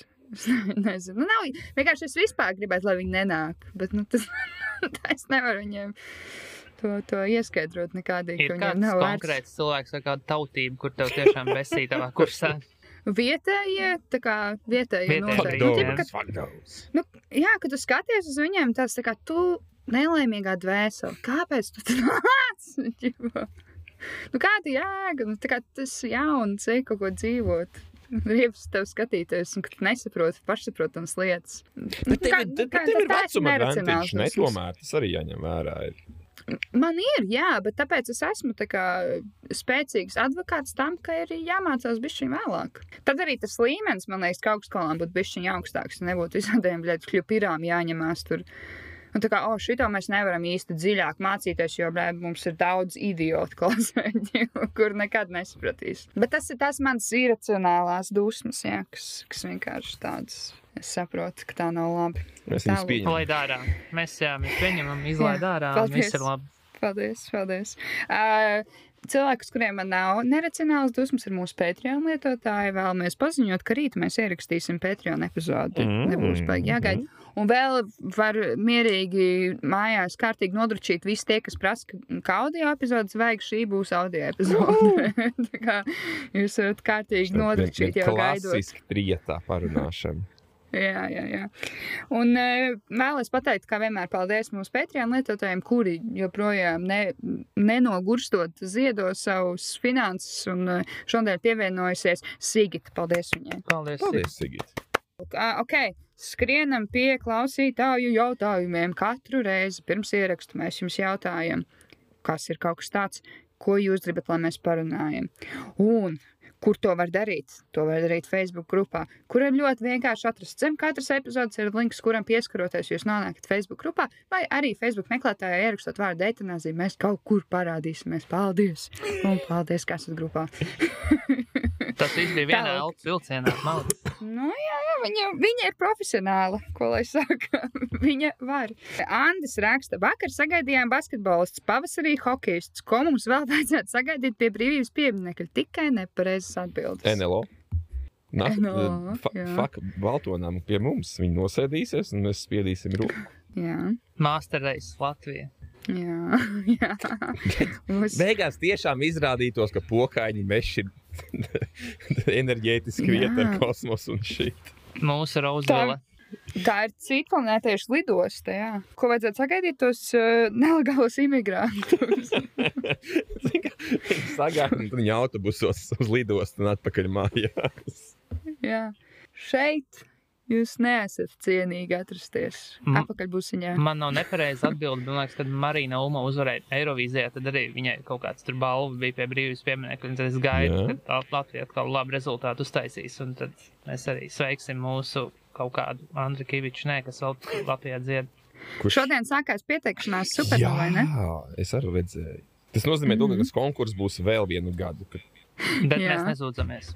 Tikai Nē, nu, ir jau cilvēki, kas uh, varbūt nav tik ļoti iedzinājušies, bet mēs tā kā taisām atlasi uz Eirovīzijas dziesmu konkursu jaunajām grupām. Kur Nu, vai- un Markusam ar Rīvam. profesionāļiem. Un Markusam, jā, vēl arī. pareizi. Viņš arī var. Jā, jā, jā. Lai viņi Mēs varētu, jā, šogad aizsūtīsim Marku Rīvu, Marku Šrīvu. Un uh, sagaidīsim viņu pie brīvības pieminiekļa, lai vai kāds būtu rezultāts. Nu, par mūža ieguldījumu pasniegs viņam balvu. tieši tā, tieši tā. 30 cik gadu vecumā par mūžu ieguldījumu. ok, uh, māja raksta, kādās klasifikācijās iedalīt kolēģus. Piemēram, īgņas, vienmēr sabozušies, nekad nekas nepatīk, vai labāk neko nejautāt. Klaču dāmas, visu zina, visu redz, pamana un izstāsta tālāk. Nu, klaču dāmām mums bija saulītes. Tas tā kā ir tāds sievietes tips darbā, kurš sauc par saulīti. Jā. Es būšu rupšs, Saule. bet tad ir vēl tāds tips, uh, kundzes uz 50 tērauda pīzdas. Kaut kā tā viss varētu saukt. Nu, bļaļ, tie, kam tādas ir, tie zina, bļaļ. Nu, ir tāds. Tā ir nu, kā Merkele, jā. Es nu, nu, vienkārši tur viņi nejoko. Neaksties. Tu zini, ka tur, tur nav. Tur, Jā, Nu. jā. Parasti grāmatvedībā viņš strādā. Ne? nu, Nu, tā kā grāmatvedībā ir vai nu tādas sievietes, kuras ir tā kā prime dzemdēšanas vecumā un neapstājās visu laiku dekrētā, vai arī tērauda pīsti. jā, bet tad, tad viņas parasti ir. Tu esi atkarīgs no viņām kaut kādā veidā, un tāpēc nevar ar viņām slikt. un Tev ir tikai pa labam. Ļoti labi. IT departments noteikti kaut kāda, nu tāda, nezinu, socially awkward grupa. Jā, varbūt jā, arī ir šitie, šitie, jā. darbinieki, kur Tie, ķip. Nekad ar nevienu īpaši nerunā. Mhm. Un tur, Tad ir tā beigta, tā kur kā- mājās veids klopē. Tu zini, Dievs, tā Come ir. on, zin, kā nu šito zina, ka, ma- nu, zin, ka Džeks mājās ir kretīns. Nu, kā zina. Ā, zini, ka. Nu, Man ir ideja tāda, ka ir tas um, saimnieciskais personāls apkopējs, kas ritīgi domā, ka viņi vajag svarīgās uzņēmumu. Ir tāds, ka bez viņiem nekas tur nenotiksās, ka viņi ir tā pati svarīgākā Jā. persona. Jā. Bet skolās vēl tas prikals, ka ir saimnieks. Nu, ķipa, Skolas saimnieks. Nu, Jā, Mums tas- tas jau- rūdas. Mums bija rūdas. M- Mums ir ULDIS, bet viņš ir ne tikai Mm. skolas saimnieks, viņš ir direktora vietnieks. Ir. Ā, Jā. arī dzen, jā. Un kad tik ne arī doktors vīrs, ne? Nē, nē, nē, nē, nē, nē. Ā, ir nē, cits, tas nav. cits. Tas ir cits. Interesanti, ka tā. Um, grūti, man, manā kolektīvā nav. Nav tāds pagaidām vēl izkristalizējušies, kas ir konkrēti tur ķip. Mārtiņ, tavā kolektīvā ir krievu šoferis, Es- kuristiem. Man, man vispār kolēģi nav. Jā, Nav. tā kā tas man nav aktuāli. viens pats sev. Ok, katra raksta kādu dziesmu latviešu valodā jūs gribētu dzirdēt Maksima Galkina izpildījumā. Jā, tas tagad. Leģionāri dziesmas. Tikai un vienīgi leģionāri dziesmas. Mēs sitīsim tos arī. Vai arī, kā sauc to komponistu, kuram sieva ar krustu izgulās pirms pa- 11 gadiem? Kaspars? Dimiters. Kas, Jā, kas par dziesmu. Vai ar ģitāru, lai viņš tās tad vēl varētu varbūt. Es izlasīju šo jautājumu, un pirmā dziesma, kas ienāca galvā, ir viena no labākajām latviešu dziesmām, kāda jebkad sarakstīta - Strēlniece. Jā. Tas būtu, jā, Kas tas, būtu tas būtu negaidīti un kvalitatīvi visdrīzāk, ja viņš to izpildīja. Jo Strēlniece ir pelnījusi atzimšanu, kur no labāk vēl. Galkina balsī. Tā dziesma varētu iztulkot angliski, nesūtīt super. Nav redzēt, kas būs. Cerēt, ka viņa aizmirst būs. Ja? Tā kā pirmā reize skan. Jā, uh, Jānis raksta, vai smags darbs atmaksājas. Gudri cilvēki sakot, ka smags darbs vienmēr atmaksājas. Vienmēr Man nē. kaut kā nē. Bet lielākoties, jā, ir stulbi to nedarīt. Gudrs darbs atmaksājas. Jā. Nu, atmaksājot. Trīs gudras galvas saka, ka droši vien, ka jā. Jā, tieši tā.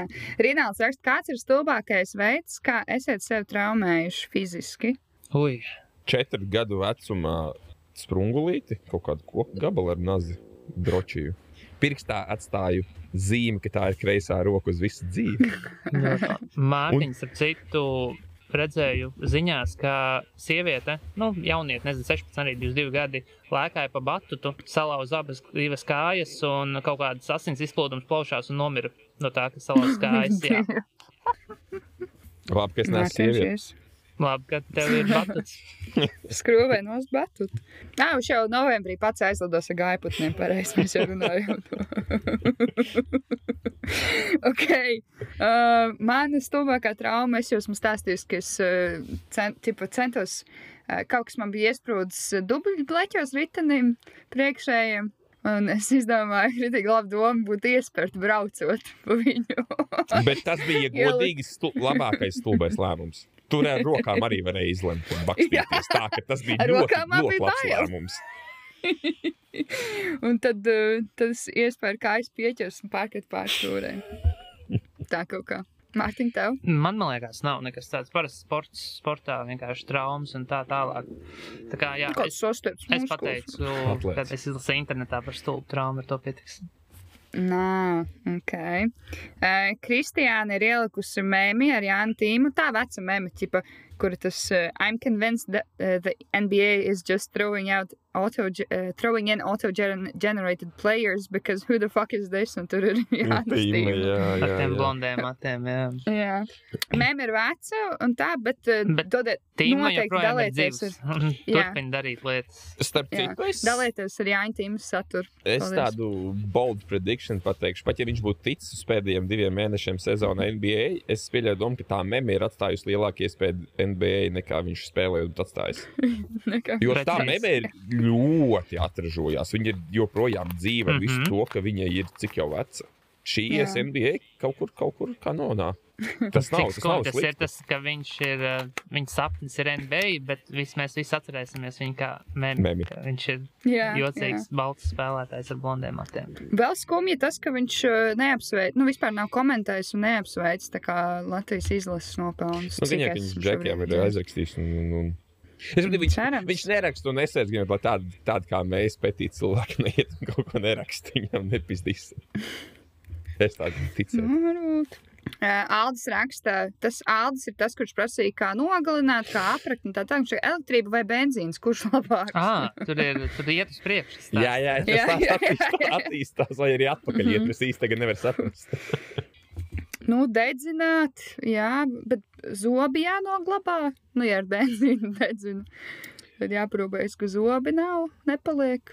Nē, elektrība vienkārši. Elektrība. Nezinu, kādu voltīžu tev vajag, lai nosist. Bet elektrība vieglāk pieķert. Nav tur kaut kāds sadalījums tīkls. Arī nejūtīs, ka kaut kas tur tur ir iejaucies tajā tīklā. Par šo jāpadomā. Es esmu tāds klasisks benzīna piekritējs. Ja tas. Mārtiņš vēl pieaugs bišķi keļi, jo tā viņam smarža labāk patīk. Uh, Andris raksta, kā dzīvot labāk. Ā, principā augstāk bija jautājums par to smago strādāšanu. Tas. Pretī mačā Jā, tev nav tas. atbildes, tad ņem to. Mm. Neko Uh, citu. līdzīgi ieteikt kā Aldis Gobsams pārvācies uz Spāniju. Redz, cik viņš ir laimīgs. Ir. Es ticu, ka, ja daudz ir strupceļā, tas arī nav sliktākais variants. Nē, tur tiešām Jā. ir forši. Tur Nu, es drīzāk Spāniju izvēlos, kas sma- smagi strādā. Tā kā ja Bet- Mārtiņš uzvar. Jā, jūs redzējāt, es nezinu, jūs sekojat līdzi vai nesakojat līdzi. Es viņam sekoju Instagram, un es ik pa laikam tos garos penters palastīju, ja nav ko darīt. O. Vienā, pen, vienā viņš raksta kaut ko par savu bijušo sievu, vienā viņš raksta, kā viņš ar bērniem rociņās iet uz baznīcu, un tad trešais stāstījums, kur viņš nofočē kaut kādas 13 gadīgas meitenes un saka, ka viņas ir ļoti skaistas. Nu, Tur jā, ir ļoti putni galvā, ļoti melns kaut kas tur notiekās.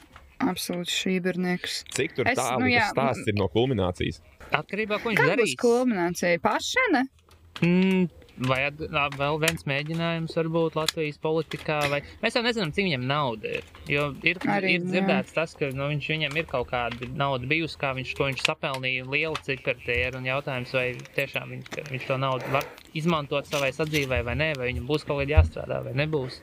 Viņš tajā Spānijā nestrādā, vai ne? Nu, Nu, ko viņš tur strādāt? divu bērnu tēvs, jā, jā, viņam ir Mm. jārūpējas par bērniem. Ka Tad, kad tēvs, tad tas ir darbs, tā kā māca, tas ir pienākums. Nu, es, es gaidu ārlietu ministrijas un bērniņties uh, iejaukšanos. Būs? Jā, kad būs? Viņš varbūt pārvāksies kaut kur tālāk, uz kaut kādām arubu vai kaut kādām tādām salām, kaut kur, Mm. kur nevar izdot. Nu, skatīsimies, gaidīsim. Kristīna raksta tikai bez basketbola. Ai, piedod. Tad sāc no šīs vietas klausīties, ko lai saka. Māris raksta, vai etanāzijas logo ir laba tetovējuma ideja. Mm -mm. Viņš Nav. tev pēc kaut kāda melna kluča izskatīsies pēc gadiem. Tas gan. Varbūt ar kādu citātu spilgtāko no kāda no mums to es varbūt atbalstu. Nu, bet ir tāds smuks fons, ir nevis tur kaut kāds serifainais. Tā nu tā mūžīgi paliek. Bet, uh, ja tu kaut ko izdari tādu ar savu ādu, tad uh, parādi mums. Hit me up, Noteikti. jā. Priecāsimies. Hit me, jā. jā. Eh, Dāvis raksta, labāk atdot pusi dzīves darba devējiem vai dzīvot mežā būdā bez ienākumiem. Labāk Spānijā, laikam. Tā Ted. Man liekas, ka tomēr Sūtīt vēstuļu bumbas. Jā, tāds Kazinskis, jā. Jā, varbūt tas ir prātīgi grūti. Abas divas tās idejas liekas tā kā prātīgas. Nu, Baigās galējības. Jāatrod kaut kāds, eh, kaut kāda harmonija sevī. Man jau ir nogurums, es vienkārši sāku jau tādus half-assed komentārus sniegt. uh, Toms Pagaid, raksta, pagaid, pagaid, pagaid. drī... A, nē, Nu, Varbūt, lai viņš izlasa vienkārši kādu to self-help grāmatu, tur ir visas atbildes. jā, noteikti mums trūkst. Tā, tad meklējiet, Ted tikai. Kazinski manifesto. Tā to grāmatu sauc, ko Mārtiņš gribētu izlasīt. Viņam bija manifests, ne? Viņš pat varbūt būt ka viens starp, nu, starp labākajiem Es pat esmu lasījis darbiem. šo to no tā, un šis mm. Tā kā slikts skanēs, bet tur nav sliktas idejas. nav visas. sliktas idejas, tur nav sliktas idejas. Kā jau visos manifestos, kā vienmēr, tikai tas izpildījums ir neveikls. Ļoti labi. uh, Toms raksta, par ko drīkst čīkstēt bagāti cilvēki nabadzīgiem cilvēkiem. Šis ir pat labs jautājums, starp citu. Par ko bagāti cilvēki drīkst čīkstēt nabadzīgiem? Par to, ka, bļāviens, es jau tik daudz visādas vietas, kur ziedot naudu, un es nevaru izvēlēties, un es tikai dodu un ziedoju un palīdzu. Ai. Un kā nepaliek jums nabagajiem, labāk tā nepaliek. Par globālām problēmām, Aigais. Mm. Vai Jā. arī bagāti cilvēki tikai restorānos, un tad viņš ieiet iekšā Rīgā, nopirkt, nezinu, alu. Un tad priekšā visādi cilvēki ir, kur pērk reāli ēdienu lietas, ko viņi paši gatavot. Un tad besīgi viņi ir rindā priekšā tev stāv. Tas tikai, ka tu ej degvielu ieliet, un tad tie garā nabagie desēdi. jā, jā, fakta. Okay. Uh, Rihards raksta, kas tas par čāli Anijas instabildēs, par ko tu mums nestāsti. Um, Ilja tas Kozins. uh, Ilja Kozens, jā. Tas nav, nu jā, tas šāds uh, jaunais mīļotais vīrietis. nu, ne, jā, paldies. Jaunais mīļotais vīrietis. Tas ir sašauta ar amora bultām. Es esmu, jā, strēlniece manī trāpīja, jo kas būtu izšāvis pats no gultas krīt?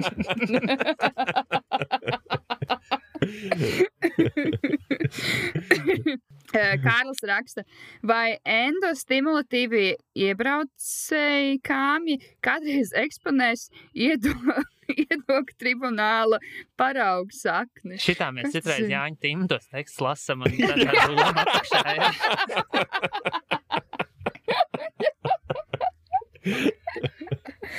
jā. Gan jau. Es saku jā. Noteikti. Uh, Rīmāns raksta, kāds ir jūsu vissmieklīgākais, nesmieklīgais joks? Tagad ātrāk apdomājamies. Ja? Uh, tu drošīgi, tev māma zina, ka tu drošīgi. Un tad tas, nē, nē, ā, tu drošīgi. Tas man liekas, bija ļoti krīņš un smieklīgs. Neatceries, bet kā bija pamatskolā. Jā, nu tas jā, vienkārši- jā. Tas jautājums, uz kuru Jā. nevar atbildēt nekā, Jā. nepaliekot drošītājs. Jā, gan. Es laikam no sava tēva mantoto, tāpēc, ka perpendikuls. Ā, Kad es biju sīgs, un bija tas kāpēc īsi jautājums, un dažkārt vasarās pie tēva tos jautājumus miljonus uzdod, un, un, un kad apnīk uz viņiem atbildēt, tad tāpēc, ka perpendikuls. Un tad bija pārāk sīgs, vēl matemātika nemācījās, vai algebra, geometrija, kur tas Tu pieņem to par taisnību. Nē, nu, tu vienkārši, kas tas ir? Nu, skolā uzzinās. Nu, tad gaidīt to skolu, lai Mm. uzzinātu, kas ir tas fucking perpendikuls. Un, kad tu uzzini, kas ir perpendikuls, ir tāda fucking gigantiska vilšanās. Viņš tev ļoti labi apis. Jā, nu, tāpēc, ka Ģeniāli. Nu, tas, es, es arī Radoši. pats šādi tā, tā lietoju. Jo tagad man ir mājās Jā. cilvēki, kas nezina, kas ir perpendikuls. Ļoti labi. Um, es nevaru tādu sitienu atcerēties. Es izstāstīšu pēdējo kā izdzīves anekdoti, ko man sen stāstīja. Viņus tur esot ka menti apturējuši, uz tam līdz, nu, tā kā viņi kaut kāds sūds sastādājuši, un, laikam, viņi redz, ka menti nāk. Un tie pienāk tie menti, un viens no tiem čuvakiem, labi, ir man vēl ūdens jāsanas iekšā, un tie aiziet. un arī izbēga no problēmām. tā kaut kā. Bija tur jābūt. Bet šis, šis ir šis ir jā. smart. Dažkārt, ot, kas ir street smart? Šis ir street smart. Šis te nenomīst tajā brīdī, ej, Nostrādā vienkārši vienkārši. Labi. Man vēl ūdens jāsanas.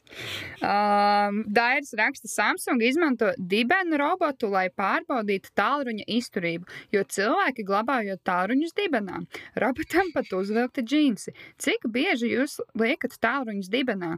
Jo no Samsung teiktā saprotu, ka bieži, un tāpēc ir šis durability tests. Kāpēc tās bikses vajadzīgas ir? Bet tas ir domāts tā kā pakaļējā kabatā vai tiešām dibenā? nu jā, pakaļā kabatā. Man liekas, es, es esmu redzējis, ka ļoti daudz meitenes to dara. Es pieņemu, ka varbūt viņam džinsos tas priekšās kabats ir vai nu pārāk mazas vai kaut kas, un tad aizmugurē viņas tur iebāž iekšā. Es lieku pakaļā kabatā tikai tad, ja man priekšās kabats ir caurus. Nē, sašķust. Jā, es arī. Nē, kāpēc aizmugurē? Pat, pat atslēgas iemest ir nērti. Tagad pat maks, Es- kurš es... nelietoju, Jā. liekas kā problēma aizmugurē. Es neuzticos pārējiem sabiedrības locekļiem, lai kaut ko liktu aizmugurējā kabatā. Man ir funny packs, viss pie Bet sirds tas klāt. telefons arī ir tā kā bībeli izmērāta. Viņa nevar, nevar Nu. ielikt tur, man liekas, iekšā. Nu, ir, ir pagrūti citreiz, un tad bieži vien sanāk, ka es viņu vienkārši turu rokās. Visu O, laiku. wow, es tikai iedomājos, kā kaut kādā Dienvidkorejā, kur tie cilvēki ir krietni mazāk par mums, ar krietni mazākām ķepiņām, kā viņi tos milzīgos telefonus tur rokās un lieto. Tāpēc Varbūt tagad no tos aptveramos. Jā, Viņi mēģina vai arī tās pielāgoties. mini. Droši vien. Ralfs raksta, kā pareizi pielikt roku dzinieku žoklim, lai tas momentā izbeigtu tracināt un fakināt garām braucošu motociklistu. Izklausās pēc kaut ko tādu, ko teikt. Ga- Gatis ir atbildēs. Nāris raksta, kāpēc nevar šķaudīt ar atvērtām acīm? Kāpēc nevar? Gribu O, šķaudīt. es neliedzam, tu pamēģini. Sāta, kad neviens neskatās visdrīzāk, lai nesabiedētos cilvēks redzot tādas. Šķaudot mēģina nolaizīt alkonu vēl. Jā. Vēl šitas te, kad uh, vēda riņķo un pa galvu sit. Uh, Īvieta raksta, kādas domas par kartupeļu tālku patīk vai nepatīk. Es esmu rīktīgs fans reizes gadā parušināties un sagādāt ēdienu ziemai. Nu, tu jau gan, arī, gan jau arī lasi tās sēnes bagažnieku filmu. Ah, Pasaka vārdu kartupeļu tālka, tad liekas, jā, mēs saprotam, kas tas ir, bet tajā pašā laikā liekas, ka tā ir kaut kāda sabiedrības tīrīšana arī varētu būt. Latvijā. Ļoti labi. Es neesmu bijusi īstenībā savā dzīvē kartupeļu tālkā, tāpēc es to romanticizēju. Man šķiet, ka nu, varētu uztaisīt par tādu ja, foršu pasākumu ar Nekauts tur ir. Es bērnībā bieži biju, un tad bija inčīgi tas, ka no tā vecuma iedala kaut kādu to, to uzdevumu. Es atceros, es sēdēju tajā aizmugurē, un tur bija tie jāšķiro, tie kartupeļi, viņi nāk un mazie iemet kaut kādā vienā pusē, lielie kaut kur otrā pusē, un tad citi atkal tiešām ar rokām viņas ņēma no zemes ārā. Tur katram ir kaut kāda sava lieta. Nu, protams, traktoris brauc ar traktoru, Nu, tam gudri ir stāv apkārt un gudri runā. Jā, jā, jā. Mēs sievas tā ēst. Protams. Nē, tas, tas, tas kā tāda, ok, varbūt tra... viņa, ka tā ir tradīcija. Nu. Tad jau no pilsētas sabrauc cilvēki uz laukiem un kaut ko dara. Bet kāpēc tagad tas ir jādara? Es nezinu. Man tiešām gribās ticēt, ka liela daļa to dara tikai tāpēc, ka kādreiz darīja. Mm. Bet ir daļa, kas, kas joprojām sev pabaro un lopus baro un šit, bet ir daļa, kas to dara. Tikai tāpēc, Jā, ka darīja tur ir kartupeļi jau baigi ilgi stāv. Un, teiksim, mēs arī katru nedēļu, teiksim, vai katras divas nedēļas braucam uz tirgu to kartupeļu maisu, nopērkam, teiksim, ar ģimeni. Nu, tad, ja tev ir kaut kāda ģimenes tā struktūra, kur ir kaut kāda viena lauka māja, tad Mhm. labāk vienreiz nedēļā aizbrauc tur, un ej pagrabā, paņem tos kartupeļus. Nu, Pārāk grūti liekas, lai to darītu. ir rīmīts. Nu, jā, nu, vienkārši tas pasākums kaut kāds, tas, tas, tas man patīk. Um, ok, nu labi, tas no jautājumiem no klausītājiem viss. Ja vien jums pašiem nav ko pievienot, tad, tad Ā, varam. Es ātri noplūgošu Vēnspilī, Turpinām. būs Kreičmanim stand-ups. Ja kāds no Vēnspils klausās, es domāju, ka Google māk visu lietot, atrodiet, aiziet. kurā vietā? Paklaus. Vēl. jū, kultūras namā, kultūras centrā. Mhm. Kultūras centrā. Jūras krācēs. Nē, man liekas, centrā. Tajā pāģinē, man, man tā liekas, ka ir. Jo mēs nopirkām, nopirkām biļetes, bet tā, mēs tajā laikā būsim Atēnās. Un... Nē, tu gribēji pārdot savus biļetes. Nē, Tā. ir jau atdāvināts. Ir jau jā, ok. Ok, ok, ok. Man nav ko teikt. Man jābrauc Okay. Jā. Man arī labi, liels paldies jums, draugi. Paldies, klausītāji. Un tiekamies Patreonā vai nākošajā epizodē. Čau! Fun, fun, fun. Fun, fun, fun!